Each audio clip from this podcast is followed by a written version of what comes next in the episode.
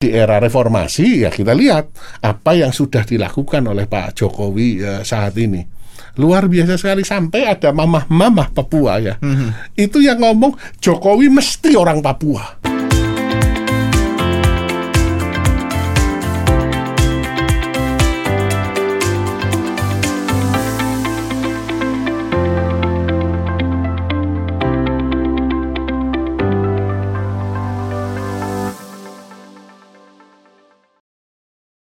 Salam sehat untuk seluruh sahabat perspektif Haris Turino. Kembali saya Anggana Budawan hari ini menyapa seluruh rekan-rekan semua. Semoga kita dalam keadaan sehat. Dan tentunya saya masih bersama tuan rumah perspektif Haris Turino. Selamat pagi, Mas Haris. Selamat pagi. Semangat pagi. Semangat pagi. Sehat juga dong? Alhamdulillah ah, sehat. Oke. Okay. Teman-teman semua, para sahabat, para sedulur semua, kalau saya boleh pinjam bahasa Mas Haris beberapa kali sedulur, karena memang dari tanah kelahiran, kita tetap mendorong ya protokol yeah. kesehatan Yeah. Kita harus menjaga pencapaian negara kita dalam mengelola dan juga menanggulangi COVID-19, tetapi dengan segala protokol tersebut kami mohon izin untuk dapat membuka masker untuk kami bisa lebih lancar diskusi agar kita boleh sedikit uh, lebih dinamis dalam berdiskusi. Izin ya teman-teman. Mas Haris monggo. Jadi sekarang setelah kemarin pulang dari lawatan sekarang udah di tanah air. Lagi ngerjain apa aja mas dalam beberapa hari belakangan? Ya di ini kembali ya nangani hmm kerjaan ya karena sudah hmm. cukup lama tiga hmm. minggu lebih ya hmm. ditinggal hmm. sehingga tentu uh, banyak hal-hal yang perlu hmm. dibereskan. Hmm. Tentu sambil mengamati apa yang terjadi di tanah air. Ya. Salah satunya adalah uh, pon yang sedemikian luar biasa ya. ya. Pembukaannya luar biasa sekali. Saya jujur masih nah kalau itu pun saya merinding sih jujur melihat ya. begitu banyak kreasi dan juga kreativitas yang terlibat dan itu juga banyak sekali orang-orang Papua sendiri ya Mas ya yang Betul. terlibat di dalamnya. Betul. Uh, pembukaannya ya Mas Angga itu hmm. tanggal uh, eh, 2 Oktober hmm. itu luar biasa sekali. Sangat megah acaranya dan uh, memang merinding ketika lagu ya dinyanyikan ya. hmm. ya. Aku Papua, hitam kulitku, ya keriting rambutku. Aku Papua. Tuh. Wah itu luar biasa sekali Mas Angga. Karena saya melihat itu sebagai semangat untuk menormalisasi ya bahwa tidak ada stereotyping ataupun stigma ya terhadap ya. warna kulit, bentuk betul, rambut. Betul, itulah salah satu hmm. wujud daripada kebinekaan Indonesia. Hmm. Indonesia ini kita jadi sadar ya lihat itu. Kita gede sekali negara ini ya. Hmm. Uh, sukunya uh, dari ujung ke ujung memang berbeda, tetapi disatukan dalam satu bingkai yang namanya NKRI, Mas. Hmm. Ya. Jadi hari ini kita akan bisa bercerita juga soal uh, perspektifnya Pekan Olahraga Nasional ke-20 di Papua.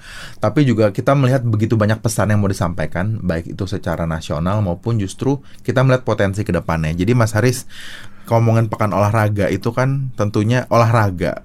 Emang Mas Haris sekolah olahraga? Kan saya kan udah jelas.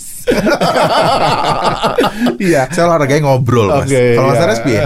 Olahraga saya seorang olahragawan ya. Hmm. Dulu saya seorang atlet badminton di zamannya Alan Budi Kusuma, hmm. di zamannya Fung Permadi gitu ya. hmm. ya. Tapi nggak nyampe Olimpiade ya? Nah, nah, nah.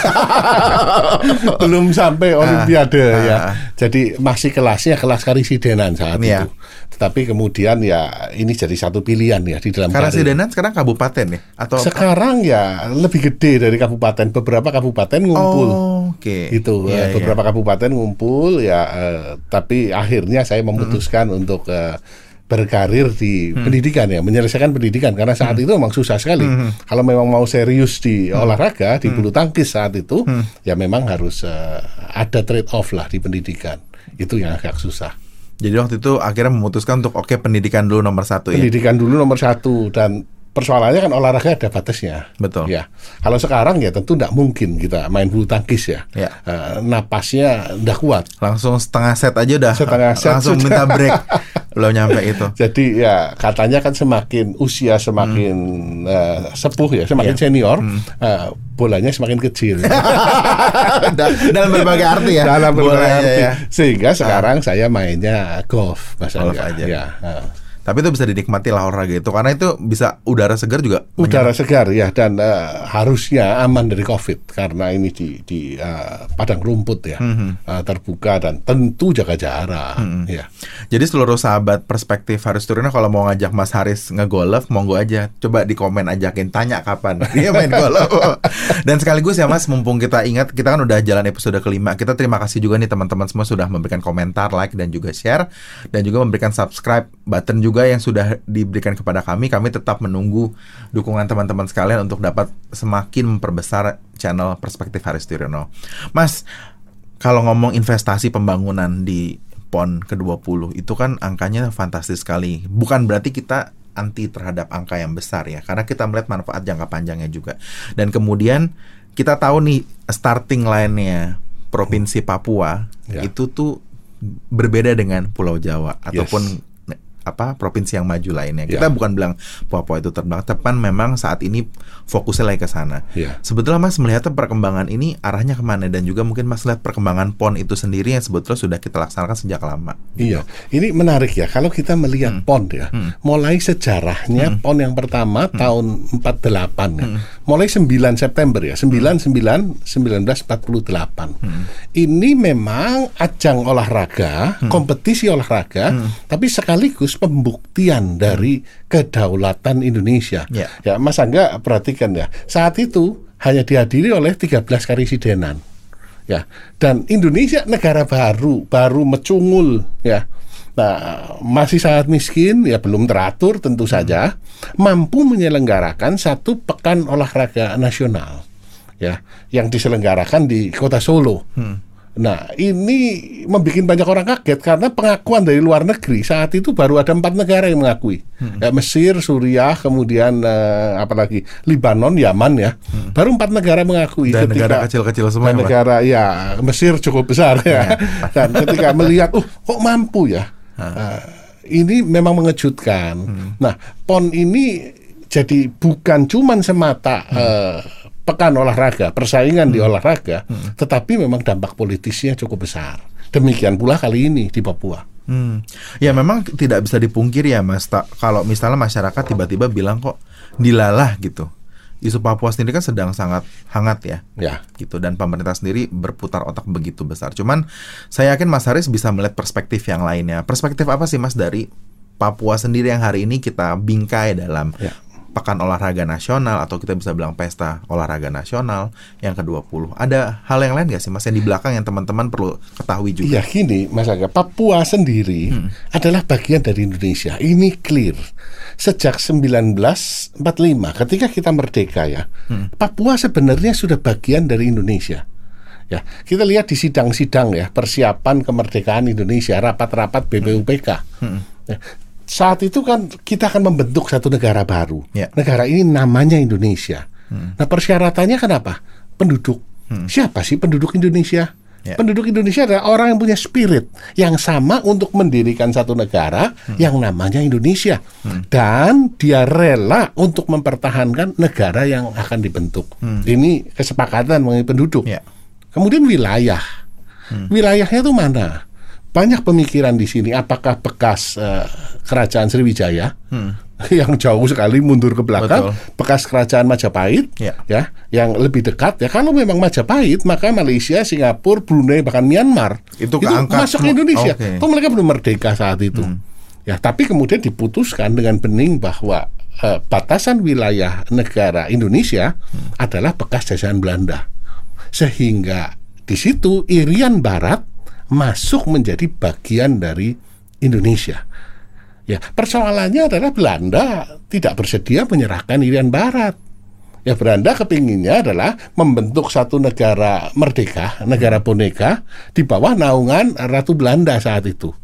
Termasuk di konferensi meja bundar KMB ya. di Den Haag tahun 40 49 ya saat itu. Nah, tetap tidak mau. Nah, tentu ini eh, menyakitkan bagi bangsa Indonesia Akhirnya pada tahun 61 Bung Karno saat itu uh, meluncurkan Trikora di alun-alun Yogyakarta. Hmm. Ini sangat heroik ya, mengatakan ya. ada tiga Trikora.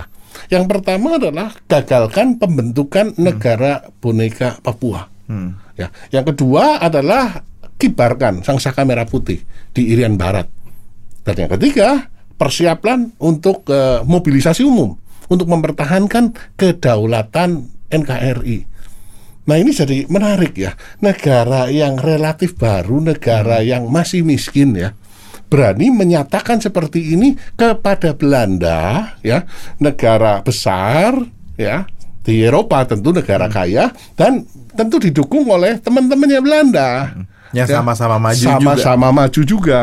Ini kalau dibandingkan ya pengamat ya ibaratnya ya mohon maaf PSSI bertanding dengan kesebelasan Brazil ya peluang menangnya ya praktis nol sebenarnya. Kalau kita bilang zaman cicak lawan buaya lah ya. masa zaman dulu ya. cicak, cicak lawan buaya ya. lah. Jadi uh, kemungkinan menangnya ada. Hmm. Tetapi ketika Bung Karno sudah memutuskan itu, apalagi memutuskan mobilisasi uh, umum ya, uh, maka banyak hal yang dilakukan. Misalkan Jenderal Nasution pergi ke Moskow ya untuk membeli peralatan uh, tempur saat itu untuk angkatan laut dan angkatan udara dan yang mengejutkan adalah ternyata gara-gara pembelian itu dan dapat pinjaman jangka panjang ya. Hmm.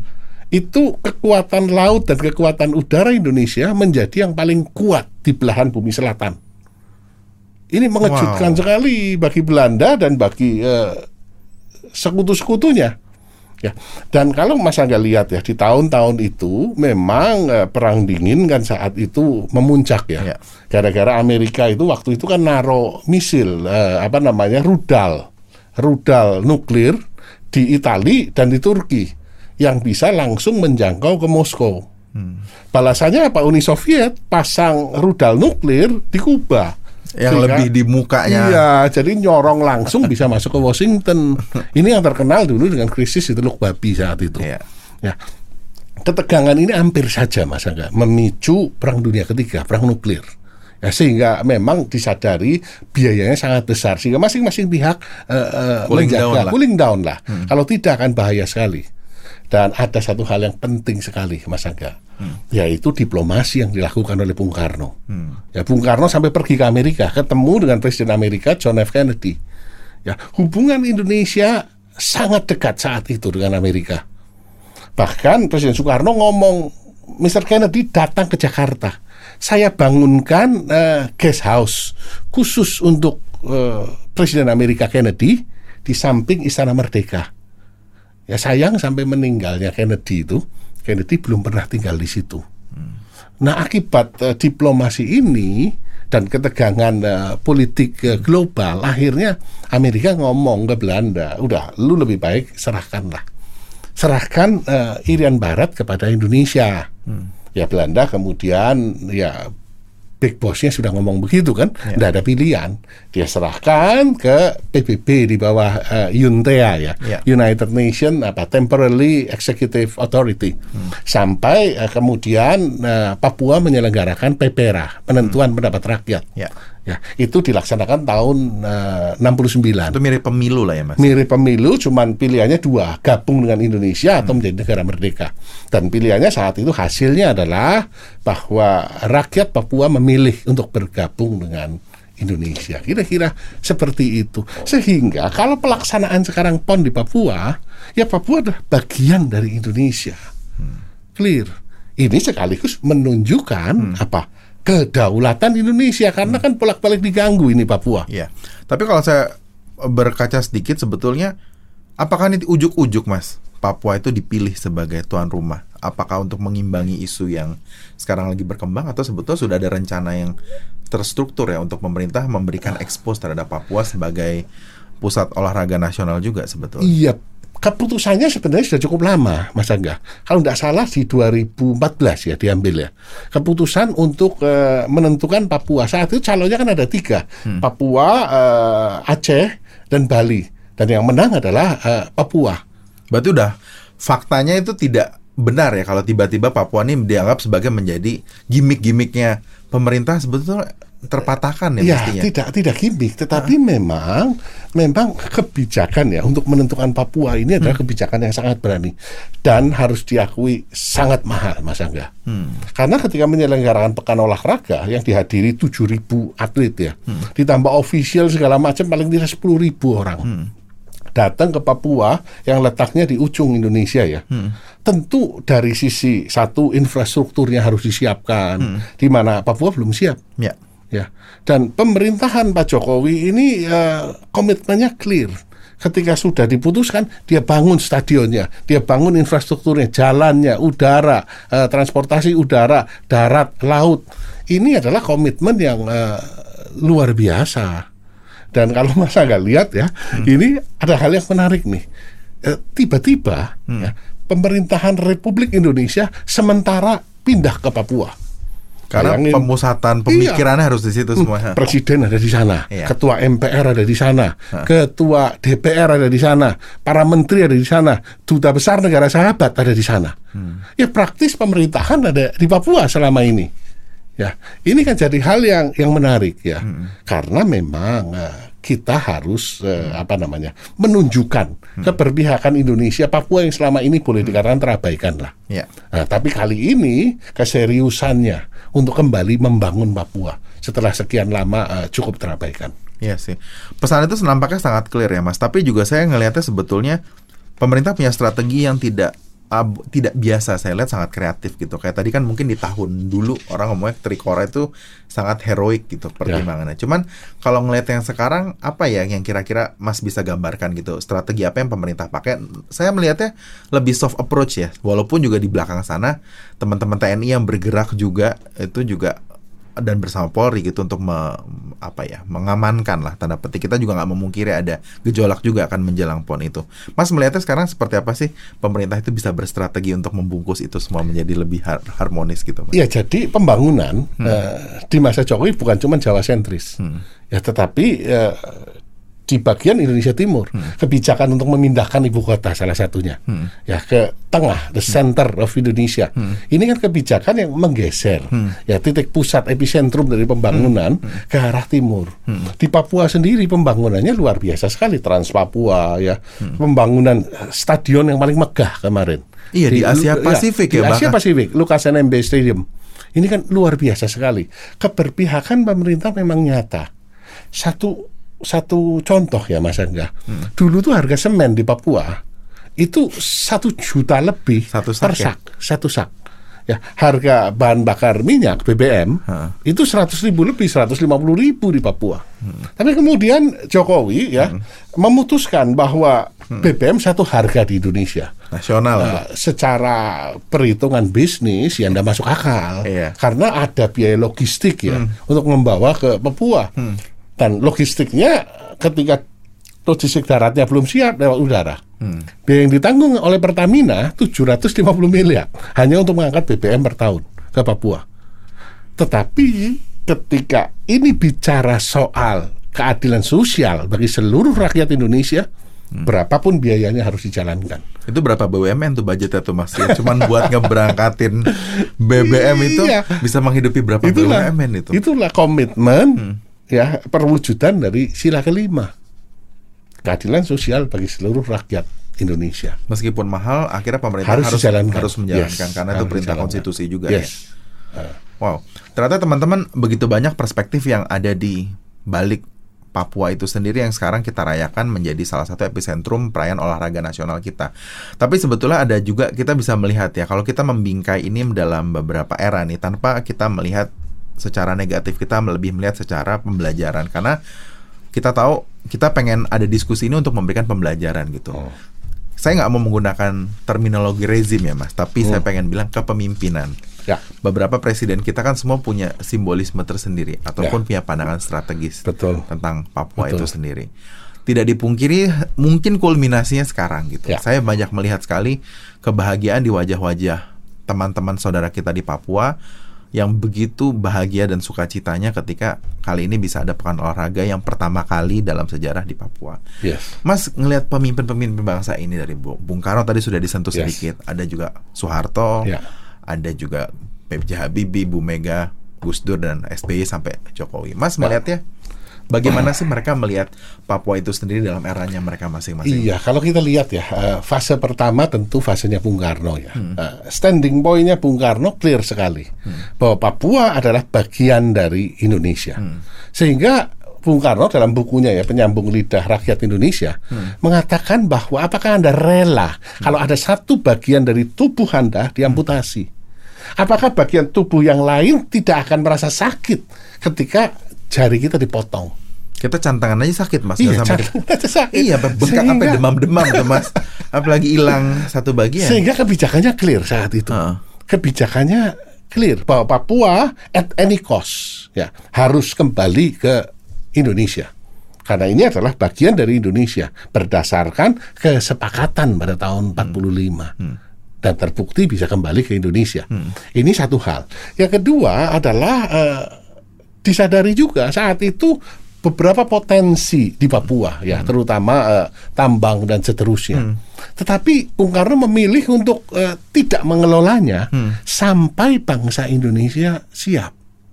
Ya, sehingga memang saat itu belum ada modal asing yang masuk. Ya, karena masih menunggu. Kalau kita sudah siap, maka kita akan kelola sendiri. Itu kebijakannya di era uh, Bung Karno. Kemudian kalau kita masuk ke era Presiden Soeharto, memang kebijakan, kebijakannya berbeda ya. Orang mengatakan bahwa ini adalah era eksploitasi malah. Banyak mengundang modal-modal asing ke uh, Papua ya. Tujuannya bagus tentu saja, tidak ada presiden yang tujuannya jelek. Membangun ya. Nah tetapi yang sangat disayangkan adalah bentuk kerjasamanya adalah kontrak karya kontrak karya kontrak itu antara dua pihak yang sejajar ya kalau antara perusahaan dengan negara harusnya adalah izin konsesi sehingga ketika izinnya pak habis kembali haknya ke negara nah kita tahu 67 Freeport masuk hmm. dan banyak perusahaan lain yang masuk di sana hmm. itu di era pak uh, Soeharto ya Presiden hmm. Soeharto. Kemudian di era reformasi ya kita lihat apa yang sudah dilakukan oleh Pak Jokowi uh, saat ini. Luar biasa sekali sampai ada mamah-mamah Papua ya. Hmm. Itu yang ngomong Jokowi mesti orang Papua. Nggak mungkin Jokowi bukan Papua karena Jokowi sayang sama Papua. Ini menarik sekali nih. Iya. Jadi teman-teman bisa ngeliat juga itu di YouTube ada tuh ada satu postingan ya soal mamah-mamah di Papua yang bilang bahkan anak sorong pusat bilangnya. Iya iya iya. Asopu ya bilang. Asopu anak jadi, sorong pusat. Jadi Jokowi itu saking di disambut ya. dengan sukacita itu juga saya pikir terlalu receh kalau itu dibilang sebuah settingan ya karena memang komitmennya besar sekali. Jadi kalau teman-teman lihat nanti ya kalau nanti sebelum kita bahas topik selanjutnya banyak sekali pembangunan-pembangunan yang dilakukan kemarin tuh ada beberapa bahkan pembangkit listrik pun sempat sudah diresmikan kemarin. Jadi sukacitanya begitu kerasa ya bahkan mereka merasa itu inilah presiden terbanyak juga ya kunjungan ya ke... kunjungan ke Papua dan kemarin ya ketika uh, pidato pembukaan uh, betul. itu Jokowi uh, apa menyampaikan salam di dalam uh, bahasa daerah Papua ya uh. kalau tidak salah bunyinya seperti ini uh. hoe foi uh. onomi remai ini dari bahasa Sentani Sentani itu pesisir Oke. Okay. Ya. Uh. Yang satu lagi dilanjutkan dengan hua hua hua. Ini dari daerah uh, Wamena daerah pegunungan. Sehingga memang di Papua ini ada dua kelompok besar, kelompok pesisir dan kelompok uh, pegunungan. Oh. Yang memang dua kelompok besar ini hmm. karakteristiknya tidak sama. Hmm. Nah, tetapi ya itulah kekayaan dari Indonesia, hmm. Mas Angga. Tapi itu juga jadi satu ini ya, Mas ya. Saya juga saya jujur nggak nonton langsung pada ya. saat hari itu pembukaan karena ada pekerjaan lain. Tapi saya ngeliat rirannya pun saya merinding sekali sih. Ngelihat yes. bagaimana satu apa ya satu perasaan yang nggak mungkin tergambarkan ya bahwa dulu mungkin kita lihat ASEAN Games waktu itu yeah. di ya. Indonesia gempitannya mirip cuman yeah. kali ini pesannya begitu hanya untuk kita nih untuk kita ya. Indonesia yeah. dan juga kepada dunia juga bahwa ada perhatian yang begitu luar biasa untuk saudara kita di sana ya ya betul Mas Angga betul sekali di sana luar biasa nah terus juga Mas Ya, itu adalah sejarah dan perjalanan ya. Jadi ya. kita tidak bilang itu satu lebih betul dengan pada yang lain, tapi semua punya peran dan porsinya ya, Mas ya. Karena setiap kepemimpinan pasti punya strategi sendiri ya. di arah kepemimpinan mereka. Jadi teman-teman, kita tidak mengajak ini untuk memperdebatkan apakah A, B, C, si A lebih baik dan hmm. lebih buruk, tapi kita mempelajari itu semua dan kita memperbaiki. Jadi hari ini puji Tuhannya, syukur alhamdulillahnya sekarang sudah kita kelola sendiri ya Mas ya. Potensi pertambangan yang ada di Iya, 51% eh, dari sahamnya Freeport sudah dikuasai oleh uh, Indonesia ya. Hmm. Eh, sebagian di pemerintah pusat, sebagian di pemerintah daerah. Hmm. Uh. Berarti itu juga fakta ya Mas ya, bahwa itu sudah dimiliki secara hukum ya sama Indonesia. Yes, yes. Uh. Jadi teman-teman kalau ada yang tiba-tiba ada buzzer-buzzer ngomong itu kata settingan lagi tuh soal 51 persen. Ya, selalu, selalu. Iya ya, karena memang ya kayak gitu ya. Kenapa Belanda mau pergi sih saat itu? Ya karena dia melihat ya ada potensi di Papua. Ya sampai sekarang masih diganggu. Namun negara kecil seperti Vanuatu, ya urusannya apa dengan Papua? Apa kontribusinya bagi Indonesia? Tidak ada. Selalu mengganggu kedaulatan Indonesia di tanah Papua. Hmm. Walaupun ya dengan mudah dijawab oleh hmm. delegasi Indonesia yang ada di PBB. Ya. Ya demikian pula beberapa orang lah hmm. yang kita tahu ya, uh, Kumen dan lain-lain ya, hmm. ya yang tinggal di Australia hmm. mencoba untuk uh, terus merecoki lah. Tetapi tetap bahwa ketika menyangkut kedaulatan hmm. NKRI, hmm. pandangan kita sebagai bangsa Indonesia clear. Hmm Gitu, adalah itu tidak bisa dipisahkan. Ya, tidak ya, bisa dipisahkan. Dan selanjutnya kita bergerak juga ke slogannya. Ya. Torang bisa. Torang bisa. Ya. Mas melihat apa dari sisi torang bisa ini? Iya, torang bisa ini menarik karena kita bisa ya. Dan Indonesia memang pada posisi saat ini sudah banyak yang bisa kita lakukan. Dengan kebersamaan, gotong royong, banyak yang kita bisa lakukan. Bukan hanya utang aja yang kita bicarakan ya. Hmm. Pembangunan dan seterusnya. Satu bukti ya, hmm. satu bukti bahwa Papua mampu menjadi penyelenggara Pekan Olahraga Nasional hmm. tahun 2020. Hmm. Disebutnya PON 2020 Mas hmm. Angga. Hmm. Ya, ini sama dengan Olimpiade 2020. Ya. Ya kan? Sama dengan Euro Cup 2020 yang diselenggarakan 2021 karena ya. pandemi. Karena pandemi. Hmm. Saya tidak tahu kalau misalkan Formula E 2020 ya. nantinya apakah akan tetap disebut 2020 karena tidak tahu diselenggarakan atau tidak Sekarang atau aja masih ya. rame ya di kebun siri masih berantem loh itu. Nggak makan nasi goreng pada ngomongin interpelasi tadi. Nah, itu jadi menarik nah. ya kita bisa. Papua menunjukkan mampu menjadi tuan rumah yang baik bagi 34 provinsi, 33 provinsi yang lainnya. Hmm. Uh, sejarah menunjukkan ya hmm. bahwa uh, hanya 10 provinsi hmm. yang pernah menjadi tuan rumah PON dari 30 dari uh. 34 provinsi ya uh, Semarang aja belum pernah iya itu Bali belum pernah Yogyakarta belum pernah yang kemudian daerah khusus ya iya. daerah istimewa belum pernah ya yang pernah apa? Uh, Jawa Timur dua kali. Ya kemudian Jawa Barat dua kali uh, Jakarta sembilan kali. Ya ketika zaman Orde Baru yang semuanya dijalankan di Jakarta. Hmm. karena pertimbangan biayanya tentu murah infrastruktur sudah ada. Ketika dijalankan di Papua infrastruktur harus dibangun. Tetapi ini dampaknya bagi rakyat kan besar sekali. Belum lagi logistiknya juga. Belum lagi uh, ya logistik aja memberangkatkan tiket ya, saya rasa Nah, eh, provinsi yang lain adalah Sumatera Utara pernah hmm. satu kali, kemudian di Sumatera lagi eh, Sumatera Selatan di Palembang, hmm. kemudian di Pekanbaru eh, Riau ya, itu pernah, kemudian Kalimantan Timur di Samarinda serta Sulawesi Selatan. Dan sekarang tahu-tahu muncul yang namanya Papua dan sukses boleh dikatakan sampai sekarang ya hmm. uh, tentu persiapannya luar biasa dan uh, penjagaan keamanannya ya hmm. kita harus sadari bahwa KKB kelompok kriminal bersenjata hmm. masih aja uh, mencoba untuk mengganggu ya pasti hmm. Hmm. dan kesiapan TNI dan Polri ya terima kasih kepada TNI dan Polri dan tentu saja kepada ya. TNI yang hmm. hari ini sedang uh, merayakan merayakan hari jadinya. hari jadinya ini selamat dirgahayu kepada TNI Republik Indonesia. Itu Mas, yang pertama Mas. Hmm. Yang kedua adalah soal keberpihakan. Hmm. Ketika ada kemauan dan keberpihakan, hmm. maka pasti bisa, Mas Angga. Ya. Orang bisa, itu. Nah, kalau kita lihat dari sisi politik ya, kalau kita melihat hanya semata dari sisi politik, hmm. terutama pemilihan, hmm. ya uh, kecil pas, kan? kecil suaranya kecil. Apalagi Pak Jokowi sudah tidak maju lagi 2024. Hmm. Ngapain? Sehingga dari sini ada pelajaran penting bahwa politik bukan semata adalah perebutan kekuasaan, tapi politik membangun peradaban. Ya. Itu Mas Angga. Jadi memang itu satu sebuah konklusi juga, konklusi bahwa sebetulnya ada banyak dimensi yang begitu bisa kita pelajari ya Mas dari Papua itu sendiri dalam bingkai kebinekaan kita ya. Betul. Dan bagaimana keberpihakan itu bisa ditunjukkan secara konkret yes. oleh pemerintah sekarang. Yes. Dan teman-teman kita berharap sekali diskusi kita pada hari ini bersama Mas Haris juga bisa memberikan inspirasi dan pemikiran yang lebih cerah dan lebih berimbang. Kita melihat kita masih banyak kekurangan jelas ya Mas ya. Yes. Dalam tata kelola pembangunan yeah. ini. Yeah. Tetapi jangan sampai itu menjadi alasan kita untuk memecah belah kita sendiri. Jangan sampai teman-teman kita harus dukung integrasi bangsa Indonesia seluruh untayan Zamrud Katulistiwa ini dalam satu kesatuan bingkai NKRI. Mas ada pesan apa yang mau disampaikan kepada teman-teman dalam menyemarakan Pekan Olahraga Nasional ini ataupun ada momentum lain yang Mas mau sampaikan sebagai penutup?